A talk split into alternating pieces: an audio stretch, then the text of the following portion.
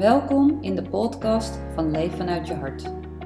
In deze podcast heb ik open gesprekken met mensen over je eigen pad volgen, persoonlijke en spirituele ontwikkeling, de liefde, jezelf leren accepteren en de zoektocht naar geluk.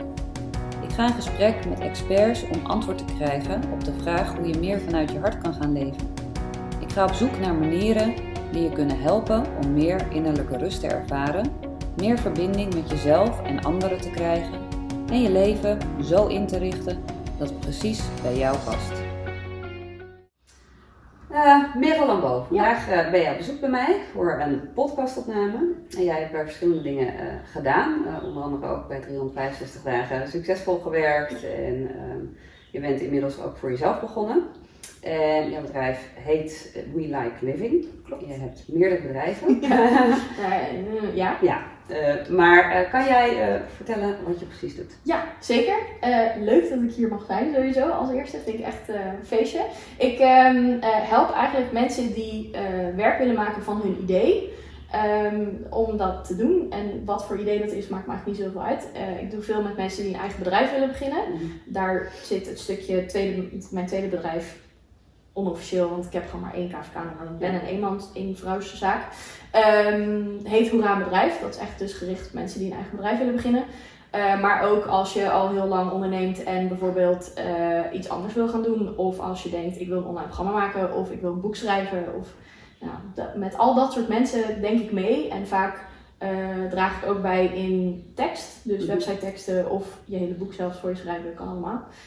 en als coach. Oké. Ja. Leuk. Ja, ja heel erg leuk. En um, als je bijvoorbeeld als startende ondernemer, uh, je hebt de keuze gemaakt om voor jezelf uh, te beginnen. Dat heb ik natuurlijk ook een aantal jaar geleden gedaan. Uh, dat is spannend. Je laat er een stukje zekerheid achter. hoe begeleid je mensen daarin om ja, daarmee om te gaan en met vol vertrouwen er toch in te stappen? Poeh, wat een goede vraag. Um, nou ja, wat, wat ik merk dat veel mensen nodig hebben, is gewoon iemand die tegen je zegt: Je hebt een goed idee, ga ervoor. En whatever hobbel die je tegenkomt, uh, daar hoef je niet in je eentje overheen. Ik heb, we hebben de, ooit bedacht, ergens in onze programmering denk ik, dat ondernemen betekent dat je het alleen moet doen. En dat je het zelf moet uitvogelen. En dat het feit dat je geen begeleiding krijgt vanuit KVK, dat blows my mind. Um, dus alleen al naast iemand staan en zeggen, oké, dat is waar je naartoe wil, dan gaan we daar samen naartoe. En dat doet vaak al zoveel. Ja. Uh, dat alle randzaken van echt, oké, hoe zet je je boekhouding op? Hoe, wanneer begin je met marketing? Allemaal dat soort dingen komen ook wel ter sprake. Maar dat is vaak bijzaak. Ja. ja. Dus Ik, ga, ja, ik ga echt naast iemand staan en dan gaan we gewoon samen leuke dingen doen. Ja, dus je geeft eigenlijk een beetje van de, de mortal support, ja, uh, moral support. Ja. mortal is ook leuk, mortal support. Nee, moral. mortal support, nee. Moral support om uh, ja, toch die drive te durven volgen. Ja, ja en dat, dat is het vaak. Dat veel mensen vinden mij vaak, uh, dat, ik vind dat altijd heel gek als mensen zeggen, oh je bent super stoer en dapper en je verandert zo vaak van richting. En dan denk ik, ja, maar ik doe gewoon waar ik zin in heb. En blijkbaar is dat iets wat opvalt of zo, of wat andere mensen niet zozeer van zichzelf hebben. Ja. Ehm, dus als ik dat kan bijdragen aan jouw proces, ja, kom maar. Ja. Ik heb genoeg. Ja, dat is mooi wat je zegt. Ik volg gewoon wat ik leuk vind en ik doe wat ik leuk vind. Nou goed, leven uit je hart staat daar natuurlijk ook voor. Je volg je hart, doe wat je leuk vindt. Uh, maar als ik kijk naar mijn eigen programmering, ja, ik ben echt opgevoed. Je moet een vak kiezen, oh, zekerheid, een baan. Um, weet je, voldoen aan uh, de maatschappij, mm. whatever, of wat, wat anderen van je verwachten. En of ja, ja, maar ga je nou weer wat anders doen? Je kan toch niet dit doen? Dus ook daarin heb ik natuurlijk zelf heel erg um, ja, die belemmerende overtuigingen af moeten Leren. werpen. En goed, ben ik altijd dat zwarte schaap geweest en mijn eigen weg gevolgd, door daar van. Maar dat is wel um, ja, waar mensen inderdaad tegenaan lopen. Klopt. Uh, ja, om, uh, om het toch te gaan doen. Is ook zo. Ja, dus ik denk dat je een heel mooi voorbeeld bent. Uh, ja, om, Ja. ja, dat vind ik een mooi compliment. Ja, graag gedaan. Ja. En hoe ben je op dit pad gekomen? Want je hebt dit natuurlijk niet altijd gedaan. Nee. Ja, nee, dat is leuk dat je net zei van een, een vak kiezen. Dat heb ik nee, nooit gedaan, is niet waar. Maar ik was vroeger al heel erg recalcitrant in die zin dat ik wilde, ik wilde maar één ding, dat was de dansacademie. Ik wilde prima ballerina worden. Mm. Dat is niet gelukt. ik heb wel de dansacademie gedaan, die heb ik afgemaakt. En uh, ik had op school heel veel discussies met docenten. Ik wil nooit vergeten dat ik mijn wiskundedocent vroeg... waarom moet ik in godsnaam de stelling van Pythagoras leren? Want ik ga toch danser, danseres worden. En toen kwam hij met een of ander argument dat hij zei: Ja, dan moet je berekenen in een, hoek van hoeveel graden je over het. Toen, toen dacht ik: oh, laat maar zitten. Maar ik kom uit een. Ik ben opgegroeid op Aruba. Ehm, en daar is de cultuur heel erg inderdaad kiezen voor zekerheid. Kiezen voor iedereen wordt daar dokter, advocaat, uh, whatever. Om maar genoeg geld te kunnen verdienen. En ik ben heel blij dat mijn ouders altijd hebben gestimuleerd dat ik gewoon. Dan ga je toch lekker de dansacademie doen. Dus hier. dus uh, daar is het begonnen. En toen ik op de dansacademie kwam, heb ik vier jaar lang gedacht, ik moet stoppen. Uh, want het is vreselijk. Echt heel stom. uh, maar ja, en wat dan? Want dat was het enige waar ik al die jaren naartoe had geleefd. Uh, en ik had echt geen idee wat ik dan moest doen. Dus ik heb hem afgemaakt met echt hangende pootjes. Maar had hem wel. En toen dacht ik weer, maar nu ga ik kijken wat er nog meer in de wereld is. Want ik kwam van een eiland in Nederland, wat voor mij zeg maar een hele grote wereld was. En hier lag alles open. Um, dus toen ben ik in de face-to-face marketing gaan werken. Mhm. Dus mensen die op straat vragen of je een goed doel wil steunen en zo, dat soort dingen. Dat was echt nog steeds een van de leukste baantjes die ik ooit heb gehad. Mm fantastisch. Uh, van daaruit ben ik in de detailhandel beland. Ik ben toen inderdaad bij 350 dagen gaan werken. Uh, en zo ineens dacht ik, ik begin voor mezelf. Ja, ja. ja. ja leuk. Dat. En uh, hoe was dat voor je dat je eigenlijk dus al vanaf heel jongs aan een soort beeld had of droom van hè, ik word ja. dansen. Ja. Uh, ja, om dan met de teleurstelling om te gaan dat het niet was zoals je je had uh, ingebeeld. Ja, dat was um, heftig. Uh, vooral omdat ik merkte dat mensen om mij heen het heel moeilijk vonden. Dat, dat, die hadden allemaal zoiets van, maar dit wilde je toch heel graag. Hoezo wil je, wil je dat nu niet meer? Um, en tegelijkertijd terugkijkend denk ik dat ik nooit heel erg bewust heb gekozen voor, oké, dan wil ik een eigen dansschool of dan ik wil gewoon dansen. Ja. En in mijn hoofd was de dansacademie een plek waar je 24 uur per dag bij wijze van spreken kon dansen. En dat bleek uiteindelijk niet zo te zijn, wat ook niet realistisch is, waar niemand me voor heeft gewaarschuwd of zo. Um, maar ik heb, ja, ik heb tien jaar, ruim tien jaar na, de, na het krijgen van mijn diploma ook gewoon niet meer gedanst. Oh, wow. Ja, gewoon, ik ik, ik heb het één keer geprobeerd, toen stond ik huilend in de les. Toen ben ik heel snel weer weggegaan. En nu, uh, uh, sinds, ja, sinds een jaar of twee, tweeënhalf doe ik het weer. En heb ik zelfs afgelopen weekend, twee weken geleden, hebben we een uh, optreden gedaan wat gefilmd is. Zo. Dus dat kunnen mensen straks zien. Ja. Dat vind ik fucking spannend. Ja. ja, maar ik merk dat het echt... Ik heb echt tien jaar ook echt de tijd genomen, heel bewust, mm om, um, ja, om dat een plekje te geven. Ja. Ja.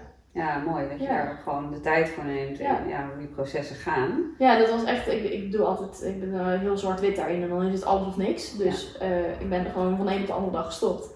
Ja, dat voelde op dat moment logisch ook of zo. Ja. ja. En je houdt van dansen, heb je als aesthetic dance gedaan? Nee. Nee. nee. Echt een aanrader. Ja, dat, dat hoor ik van meer mensen, ja. ja, zeker. Nee, ja, ik, uh, ik ben meer van de, van de hip-hop en de afro. En, uh, Zit daar ook allemaal in? Ja, ongetwijfeld. Ja, ja, dat uh, kan natuurlijk alle kanten op. Ja, het is wel. Een vriend van mij die, die danst daar ook heel veel. En die heeft ook dansacademie gedaan, oh, ja. academie. En die zei ook in het begin, moest ik zo uit mijn hoofd en wist ik niet hoe ik moest bewegen op deze muziek. Omdat je zo in het stramien ziet van bepaalde choreografieën die je aangeleerd hebt. Dus dat, het is wel heel leuk om daar om te kijken wat dat doet met je, met je eigen processen. Ja. Uh, en dat merk ik zelf ook hoor. Je bent dan in de uitgaansscene en dan ben je bezig met hoe het eruit ziet. En dan hoe vaker ik het gedaan heb, weet je, en hoe meer ik het doe, hoe vrijer ik word. En, en dat je soms gewoon, vriendin mij, die heeft ook balletacademie gedaan, die kan heel goed vrij dansen en over de grond. Ik zag daar dan ik, ja, maar dat wil ik ook. Weet je, ik heb het nog nooit gedaan, maar kan ik. Vast wel. Ja, en dan ga je dat ook gewoon doen. en, en, zonder gêne. En, gewoon ja, uit je hoofd, echt in je lijf. Het is echt, uh, ik vind het in ieder geval een hele fijne ervaring. Ja, ik ga het uh, zeker een keer proberen. Ja. Maar goed, terug te komen bij het onderwerp. Jij helpt ondernemers dus ook. Um, wat zie je vaak, um, ja, wat, wat zou je ondernemers meegeven? wat is stap 1 bijvoorbeeld? je hebt een idee, uh, je gaat een bedrijf uh, starten. Ja, stap 1 is denk ik gewoon heel erg uh, geloven in je idee. Mm -hmm. en weten dat als wat, wat ik heel vaak merk is dat mensen eh, komen met een idee gebaseerd op iets wat ze zelf hebben gemist. Mhm. Dus wat ik bijvoorbeeld nu met dit traject doe, is eigenlijk de begeleiding geven die ik zelf heb gemist toen ik mijn bedrijf wilde beginnen. Ja. En dat is denk ik bij heel veel ondernemers is dat zo. Het is altijd gebaseerd op een persoonlijke ervaring, of nou ja, niet altijd, maar al heel vaak Ja. gebaseerd op een persoonlijke ervaring of een gat in de markt nou, ja, die je ziet en waarvan je denkt, daar duik ik in. Ehm, maar dus heel goed bij jezelf nadenken van oké, wat heb ik gemist en hoe zou ik dat, wat had ik, wat had ik willen hebben? En als je dat kunt bieden en als je dat ook in je marketing, gewoon, dat is super slimme marketing, als je dat kunt inzetten, ehm, dan komen de klanten vanzelf. Ja. Denk ik. Want ik geloof heel erg dat als ik één ding mis, dat er meer mensen zijn die daar tegenaan lopen. Ja. En dat we niet, ja, ook weer dat idee van dat je het zelf moet uitvogelen. Dat, Ja. dat hoeft niet. Ja, en ook wel heel goed dat je zegt van als ik één ding mis, Ja. dan zijn er meerdere Ja, mensen. ja ik geloof Dat daar echt heel erg. Ja. Ja. Nou ja, goed, dat is wat ik natuurlijk met al die jaarprogramma's Ja. en opleidingen die ik gedaan heb, geleerd heb. Ja. Zoveel mensen lopen eigenlijk tegen de zoveel dezelfde thema's aan. En dan is het misschien de ene uit het zich op manier A of manier B, weet je, en C. klopt. Maar als je naar de onderliggende, eh, het algemene thema kijkt en als je daar eh, in dus gelooft en kan bieden wat jij gemist hebt, Ja. vul je heel veel op ja, Absoluut. Ja. ja, en dan ben je dus per definitie heel waardevol in wat Ja. je brengt. En denk ik dat je daar een fantastisch bedrijf mee kan bouwen. Ja, mooi. Ja. Ja. Ehm, jij zegt ook, ik help ook met boeken schrijven. Heb je zelf, ehm, ja, wat doe je zelf aan teksten schrijven? En, Eh, heel veel. Ik ehm, ben bij Dries, nee, ik schreef eigenlijk altijd al. Dus ik schrijf vanaf mijn vijfde, heb ik, of vanaf mijn vijfde, vanaf de vijfde van de basisschool, schrijf ik verhaaltjes, gedichtjes. Ik heb heel mijn, mijn teenage years op de middelbare school vooral gedichten geschreven. Ik weet niet hoe ik het ooit heb gehaald. Maar bij, eigenlijk pas bij 365 in de transitie dat ik daar ging werken, ben ik begonnen met bloggen. mhm. Eh, onder andere voor hun heel veel geblogd en uiteindelijk ook voor hun veel teksten geschreven. Van de scheurkalender tot eh nou ja, dingen op de website. eh, de redactieklussen gedaan voor hun boeken ook. En daar heb ik wel echt in een soort van snelkookpan alles geleerd over copywriting en marketing. En ook cursussen gevolgd en allemaal dat soort dingen. Ehm, en de eerste klus die ik kreeg als freelancer was copywriting. Ja. Eh, en daar ben ik dus een beetje in doorgerold. Het begon met social media. Inmiddels doe ik ook website teksten, inderdaad boeken schrijven. Eigenlijk alles wat met een verhaal vertellen te maken heeft. Dat, eh, Ja. ja, daar kan ik bij helpen. Ja, en je hebt bijvoorbeeld, je zegt website teksten. Eh, nou, stel je voor, weet je, ik zou net beginnen eh, met leven uit je Ja. hart. Wat voor vragen zou je mij dan stellen om tot een goede tekst te komen? Als ik het zelf niet zou weten. Oeh ja, iemand, iemand vroeg gisteren, kun je niet een soort van eh, stappenplan opstellen van hoe je te werk gaat? En toen dacht ik, nee, dat kan niet, het is elke keer anders. Dus welke vragen ik stel zijn ook elke keer anders. Omdat het, eh, voor mij gaat het om het leren kennen van de persoon die tegenover me zit. Ja. Dus ja, eigenlijk hetzelfde als we nu doen. Gewoon in gesprek gaan. En dan pik ik daar, mijn, mijn hersenen pikken daar dan de interessante dingetjes uit. Ja. Die ik ga verwerken in de tekst. Ja. Dus ehm daar kan ik geen antwoord op geven. Nee, jij hebt niet een standaard. Nee, Nee, maar het is echt nee, mooi dat zeker je niet. persoonlijk, eh, want dan hou je het ook persoonlijk. Ik denk op het moment dat je met standaard formulieren gaat werken, Ja, dat het weer 13 in een dozijn gaat Ja. worden. Terwijl Ja. eigenlijk de uniekheid van de persoon Ja. eh, naar buiten gebracht Ja. eh, mag worden. 100 procent. En ja, dat, ja, dat. Mooi, mooi, Ja. mooi. Ja. Ja, ik vind het eh, ja, inspirerend. Nogmaals, wat je doet. Je doet ook echt ontzettend veel dingen. Eh, daarnaast eh, gaf je net al aan in een gesprekje die we hiervoor hadden, dat je ook trainingen geeft Ja. eh, op middelbare scholen. Kan je daar iets over vertellen? Ja, ik geef trainingen voor United World Colleges. Die, ehm, dat is een organisatie waarbij je je laatste twee jaar van de VWO in het buitenland kan doen. En dan moet je dan de een hele selectieronde, moet je voor een aanmerking komen en zo.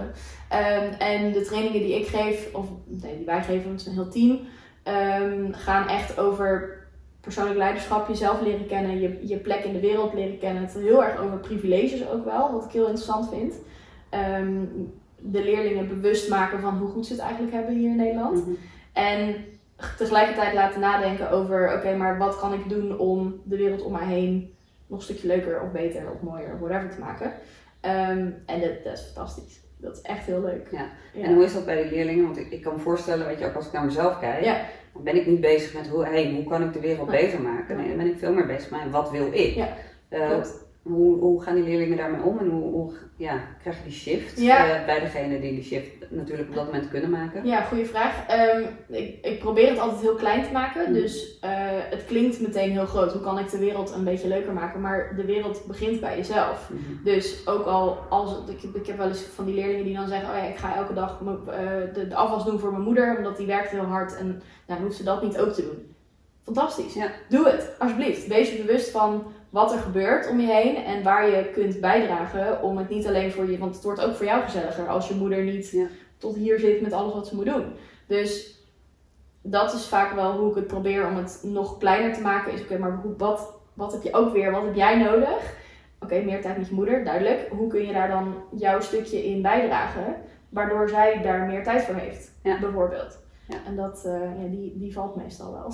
Ja, ja. Ja. maar mooi hoe je inderdaad de vertaalslag eh, maakt. Want dat is ook, eh, ook of je nou inderdaad ondernemer bent of wat is je passie, dat is vaak heel Dat is een super groot. grote vraag. Ja, maar Weet hoe, niet. weet je? Ja. En hoe kom je daar? En, en dat ik ook wel zeg, oké, maar hey, wat vond je vandaag heel erg leuk om te doen? Ja. Oh ja, dit en dit en dit. je, dan hebben mensen een, een drie of vier voorbeelden. En oké, ga het morgen En ook even bekijken, eind ja, van de dag. En, Ja. en op, daarmee kan je vanuit heel Ja. klein kan je naar veel groter gaan. Ja. En als je begint met het moet, dat, tenminste dat vond ik heel erg toen ik in de persoonlijke ontwikkeling wereld begon, een beetje, dat ik dacht, ah, nu moet alles anders. Terwijl dat blijkt helemaal niet. Nee. zo te zijn, maar dat, zo voelt het wel als je erin begint.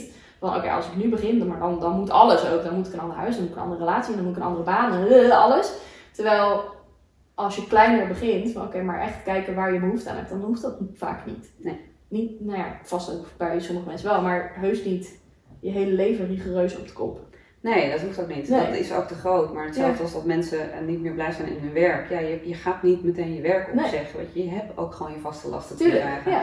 Dus eh, ga naar mogelijkheden kijken om die kleine stapjes Precies. te doen. Een dagje Ja. minder werken. Ga eens een studie doen of een cursus of een workshop. Ja, en, het, eh, het zijn vaak die kleine dingen die groot verschil maken wel. Ja. Dus dat, en ook de kleine dingen waar je makkelijk overheen kijkt. ja. Omdat het zo voor de hand liggend is, Ja. denk ik. Ja, en wat ik ook een valkuil vind, want je zegt ja, alles moet anders, maar om op die passie terug te komen. Ja. Ik moet een passie hebben. Eh, maar dan is er ook een zo'n vorm utopie, want Ja. ik doe ook natuurlijk wat ik leuk vind. Ehm, maar soms zijn er dingen, ook mijn boekhouding en dat soort dingen. Ik heb ook dingen te doen die ik niet leuk vind. Eh, ik kan niet alles wegschrappen. En Nee. daar ga, zie je toch wel vaak dat mensen een misvatting hebben. van, Ja. Oh, maar nu is het vrijheid blijheid. Ja, nee. Eh, nee. nee, jongens. Nee, oh, maar Dus dat vind ik denk ik de grootste misvatting ook over ondernemerschap. Dat mensen dan, ook in mijn omgeving, die zeggen dan, maar ja, maar jij doet toch elke dag wat je leuk vindt?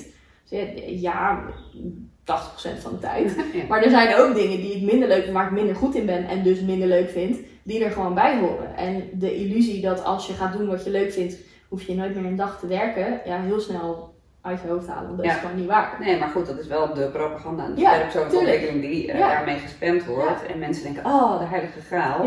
En ik probeer dat altijd wel meteen even down to earth. even. Hey, nee. ja. nee, want ook doen wat je leuk vindt is gewoon hard werken. Ja.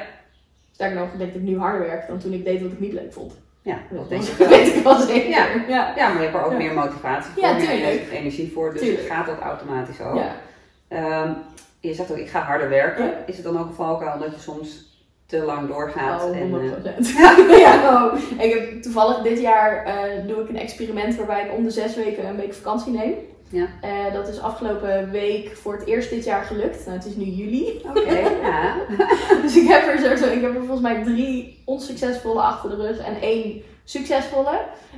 Dat is zeker een valkuil voor Ja. mij. Ja. Ja, ik ben heel erg nu, eh, ik heb heel bewust gekozen om tot september Ja. eh, een sabbatical te nemen. Ja. Geen nieuwe cliënten aan te nemen, eh, ja. geen ademsessies even. Ja. Podcast heb ik ook even twee maanden geen upload. Ja.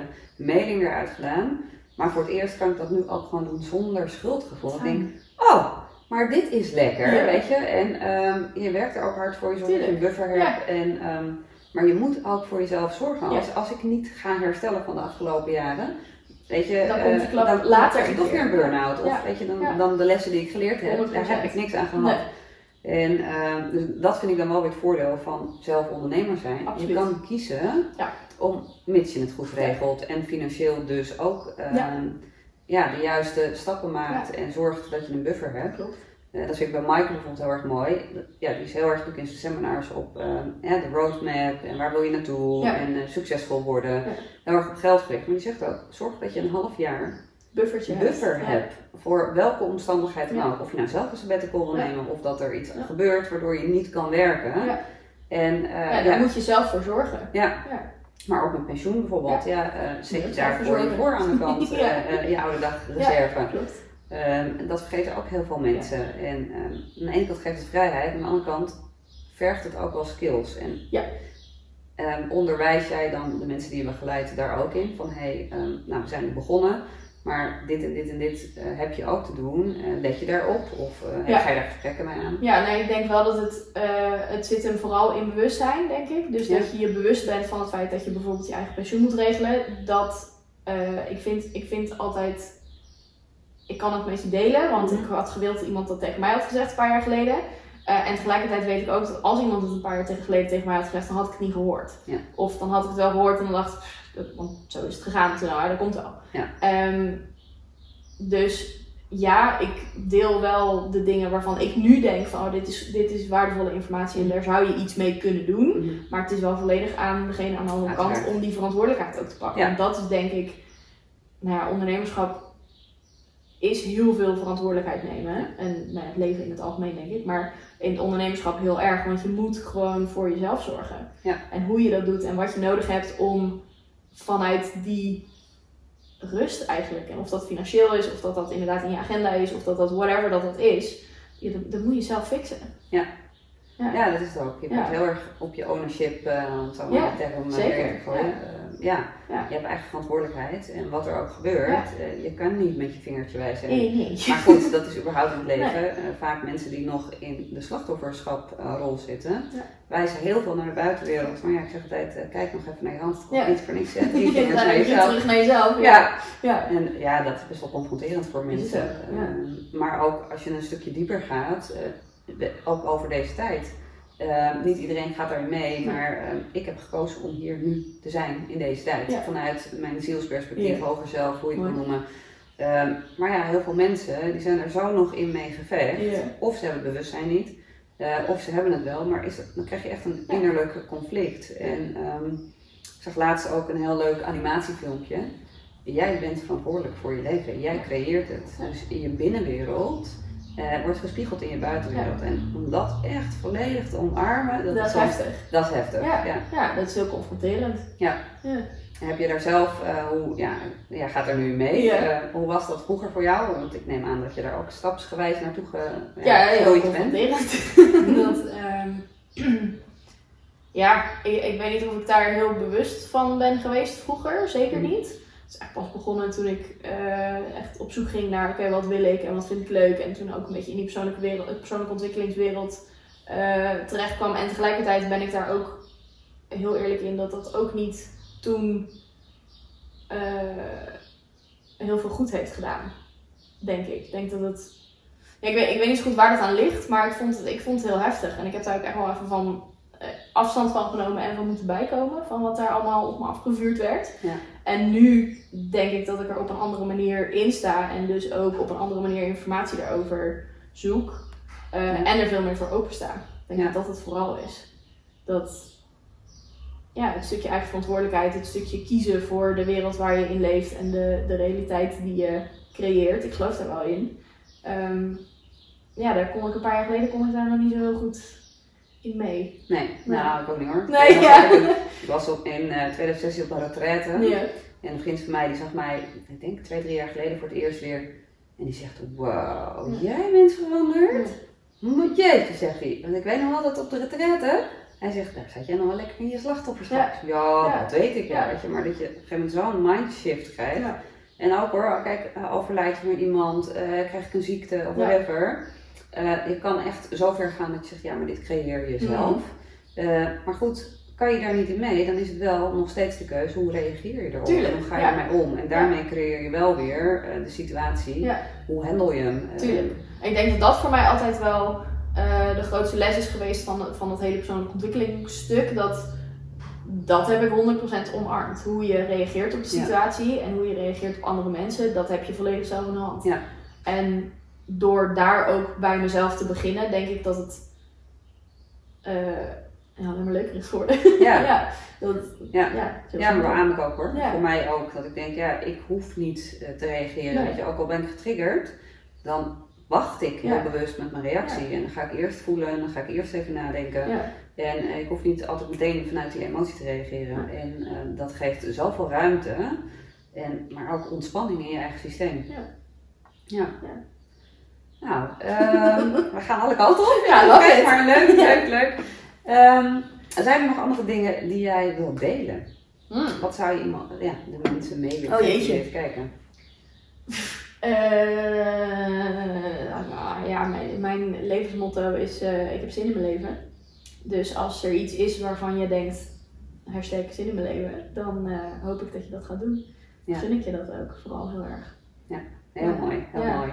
Ja, en inderdaad, en daar vul ik dan op aan. En vind je het eng om de stap te maken? Ga naar een coach, ga naar iemand zoek toe, iemand zoek die, iemand die je daarbij kan helpen om uh, dat, dat, die drempel over te gaan. Ja, en, uh, ja, en dat, dat is interessant, daar ben ik de laatste dagen zelf veel mee bezig. Dat het hulp om hulp vragen, maar ook grenzen stellen daarin, um, vind ik nog best wel moeilijk. En dus ook het zoeken naar iemand die je ergens bij kan helpen, kan heel je kan voelen alsof je, alsof je faalt of zo. Terwijl dat volgens mij juist een teken is van: oké, maar ik vind dit belangrijk genoeg om ermee aan de slag te gaan. Ja. Um, dus ja, dan doe ik wat, er, wat daarvoor nodig is. En wat dat ook is. Voor mij was het in het begin van dit jaar heel erg mijn financiën. Ja, daar heb ik ook hulp bij gezocht. Want ik, kwam er, ik heb het zelf al 33 jaar geprobeerd. Dat is niet gelukt. Dus ja, wat is dan, wat kan ik verliezen als ik het met iemand ga proberen op te lossen. Ja. ja.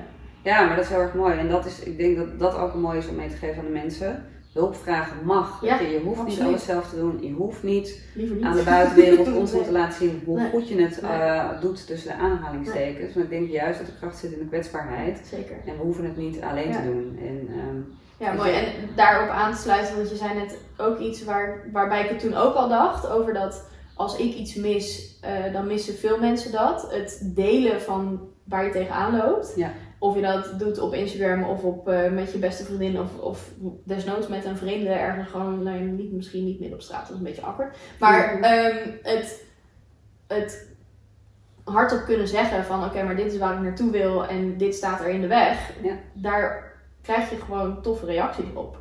Vaak. Ja. Er zullen ook een heleboel mensen zijn die zeggen dat je net gek bent. Maar um, de reacties van mensen die zeggen, oh ik herken dat en ik snap waar je tegenaan loopt en laten we het dan dus nou samen gaan doen, die zijn duizend keer waardevoller. Ja, zeker. Ik merk dat ook. Ik, ja, ik deel tegenwoordig ook wat meer op, uh, op Facebook. En voor, daar moest ik ook echt over een drempel heen. Omdat, weet je, ja, wat vindt die ervan? En voornamelijk in de familielijn. Ja, ja, Weet je, en, um, maar doordat je het gaat delen, mensen vinden er herkenning in. En uh, weet je, je helpt ze eigenlijk ook. Door jouw stukje waar jij tegenaan loopt te delen, denkt de ander, oh wauw, weet je, oh, maar dat heb ik ook. Oh, wat fijn dat je deelt, krijg je dan. Ja, precies. Weet je, dankjewel, dit herken ik zo. En, um, en dan helpt het om, denk ik, een, als je het op social media zou willen doen, want ik herken dit heel erg, dan helpt het om dat uh, los te trekken van vrienden en familie. Ja. Want dat zijn niet je klanten. Nee. Dat wil je niet, daar wil je niet mee werken. En als dit iets is waar je je werk van zou willen maken, dat hoeft natuurlijk niet per se, want het kan ook over een onderwerp gaan waar je niet werkgerelateerd iets mee wil doen. Ja. Maar als dat wel zo is, dan adviseer ik iedereen dat, dat dat zijn niet je klanten. Dus of wat ze ervan vinden boeit niet, ja. of zorg dat ze het niet zien. Ja. Heel simpel.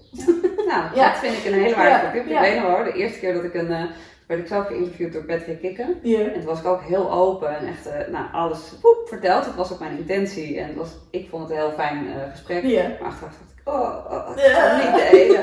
Maar toen heb ik een aantal mensen gewoon uitgezet. Waarvan ik denk, ja, dat durf ik nog niet. En hem wel gedeeld. En uiteindelijk, ja, weet je, nu is al wat zien. En maakt het me niet meer uit, weet je. Maar uh, de eerste keer dat je dan ja, zo aan het publiek alles deelt ja, vond ik ook heel erg spannend. Maar uh, ja, hele mooie tips. Zet mensen uit. En, dat of inderdaad, ja. het zijn niet je klanten als je het voor je werk doet. Hele mooie.